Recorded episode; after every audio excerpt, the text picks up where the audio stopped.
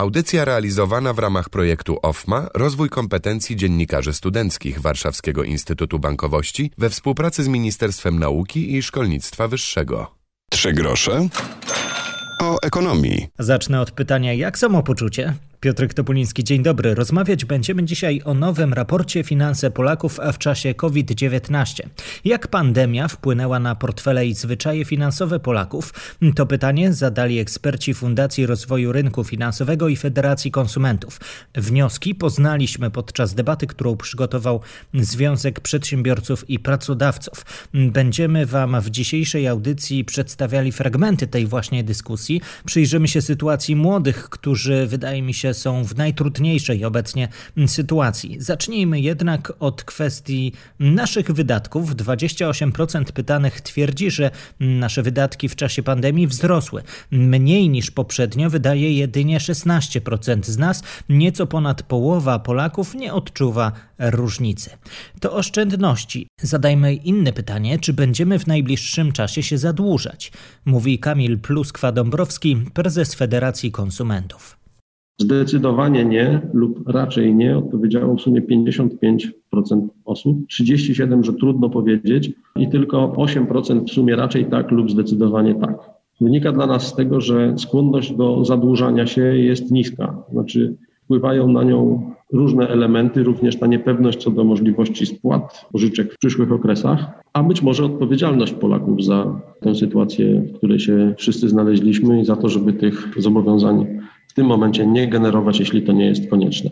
Mamy jako społeczeństwo większe potrzeby niż przed pandemią. Finansujemy je głównie z oszczędności, e, raczej nie z kredytów i jesteśmy skłonni w niewielkim stopniu do tego, żeby zadłużać się bardziej, zaciągając nowe zobowiązania. Są też inne badania, choćby te, które Ipsos przygotował dla ING i mówi o nich Tomasz Chrustny z Urzędu Ochrony Konkurencji i Konsumentów konsumenci zachowują się niezwykle racjonalnie w tym czasie. I ta racjonalność między innymi jest widoczna w ograniczeniu konsumpcji. Gdy spojrzymy na wyniki badań z września 2020 roku, to mamy tutaj informację o tym, że konsumpcja została ograniczona. Konsumenci deklarują 16% e, osób ankietowanych zadeklarowało ograniczenie konsumpcji. Natomiast w czerwcu, jeżeli byśmy spojrzeli na te dane, to tam mieliśmy 46% to był czas całkiem inny. Rzeczywiście jedne badania były realizowane tuż po lockdownie, takim bardzo mocnym, bardzo dotkliwym dla gospodarstw domowych. Z kolei badanie wrześniowe ono było realizowane w takim, po takim czasie kwartału odwilży gdzie gospodarka wróciła do w miarę normalnego funkcjonowania. W wielu branżach widoczne było to odbicie. Widoczne było też między innymi w, w pozycjach finansowych, jeżeli chodzi o liczbę udzielanych e, pożyczek przez firmy pożyczkowe. Kwartał do kwartału wzrosło 40%. Przede wszystkim dążymy do tego, żeby racjonalizować nasze wydatki to też jest niezwykle istotne, bo pokazuje, że rzeczywiście rozumiemy jako konsumenci tę potrzebę do tego, żeby w trudnych sytuacjach przede wszystkim ograniczyć ten konsumpcjonizm, zwłaszcza konsumpcjonizm na wyrost. To jest też niezwykle ciekawe, jeżeli spojrzymy właśnie na bazę oszczędności, bo te główne powody, dla których Polacy oszczędzają, i to widzimy tutaj, to jest nie tylko ta czarna godzina, ale właśnie te wydatki krótkoterminowe, czyli realizacja jakichś zakup samochodu, AGD, wyposażenia domowego, wyjazdy wakacyjne, więc widzimy, że często to są takie naprawdę bieżące wydatki i te oszczędności e, dopiero mniej więcej 17% deklaruje, że oszczędza na emeryturę, więc to pokazuje, że ten pierwszy długoterminowy aspekt oszczędzania pojawia się bardzo późno. Finansowe samopoczucie Polaków różni się nieco, młodzi są w trudnej sytuacji i za chwilę o młodych w naszej audycji pozostańcie z nami. Trzy grosze o ekonomii.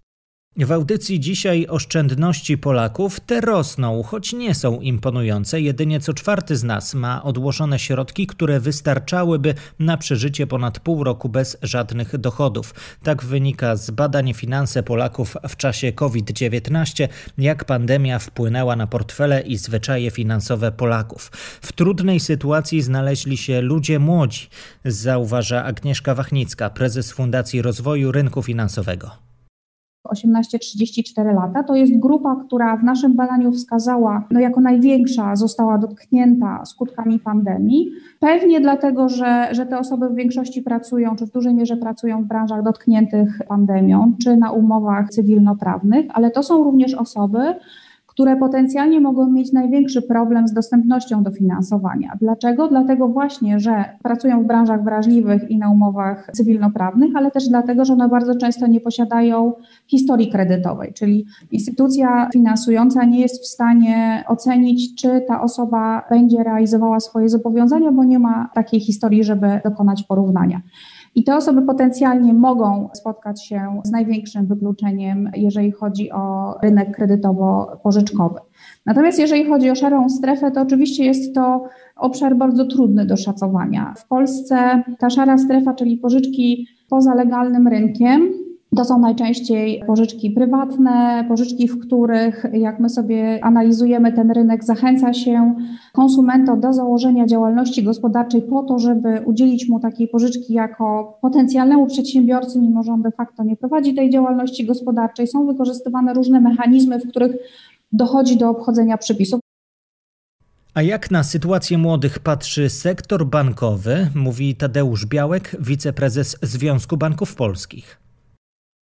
Prawdą jest, że trudniej jest uzyskać kredyt niż przed e, pandemią. To świadczą o tym te wyniki dotyczące spadku sprzedaży, ale to oczywiście wynika z obowiązków publiczno-prawnych nałożonych na banki dotyczące badania zdolności kredytowej. No niestety w tym czasie ta zdolność kredytowa wielu Polaków nie pozwala na, na zaciągnięcie tych zobowiązań kredytowych w takiej ilości czy w takiej formule, jakiej ci kredytobiorcy chcieliby. Natomiast chciałbym zwrócić uwagę na to, że oferta kredytowa po stronie banków oczywiście dostępna, natomiast kusi bardzo wiele publicznie dostępnych alternatyw, które są bardzo niebezpieczną pułapką i musimy bardzo przestrzegać i uważać na te alternatywy związane z finansowaniem takim jak forex, kryptowaluty, piramidy, czy te finansowania, które formalnie jak najbardziej są legalne, ale bardzo ryzykowne, jak kwestia dotycząca czy funduszy inwestycyjnych, czy obligacji korporacyjnych.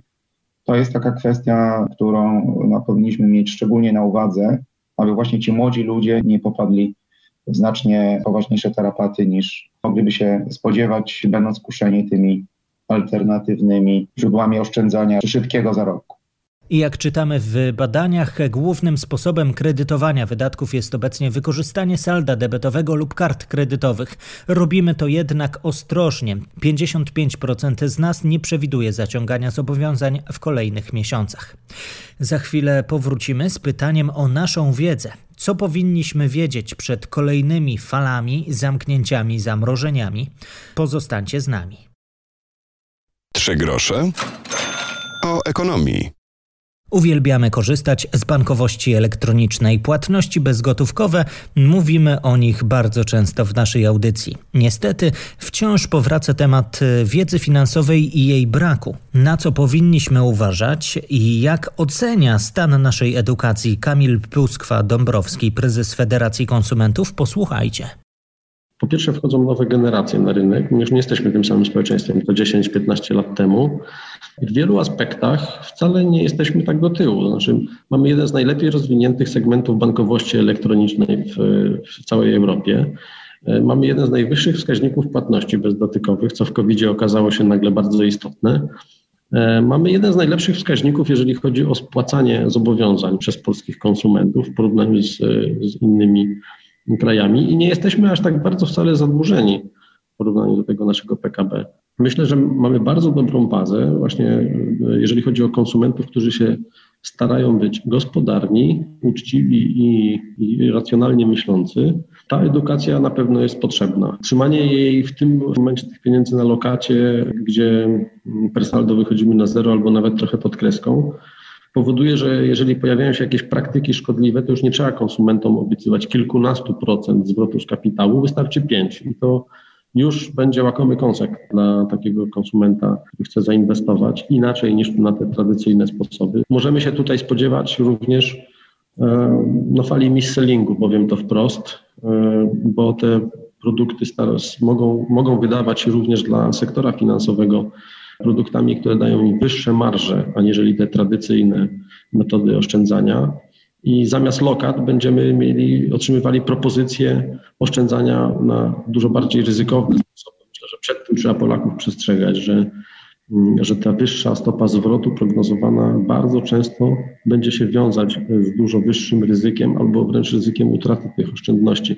Na to rzeczywiście e, myślę, że polscy konsumenci nie do końca są przygotowani.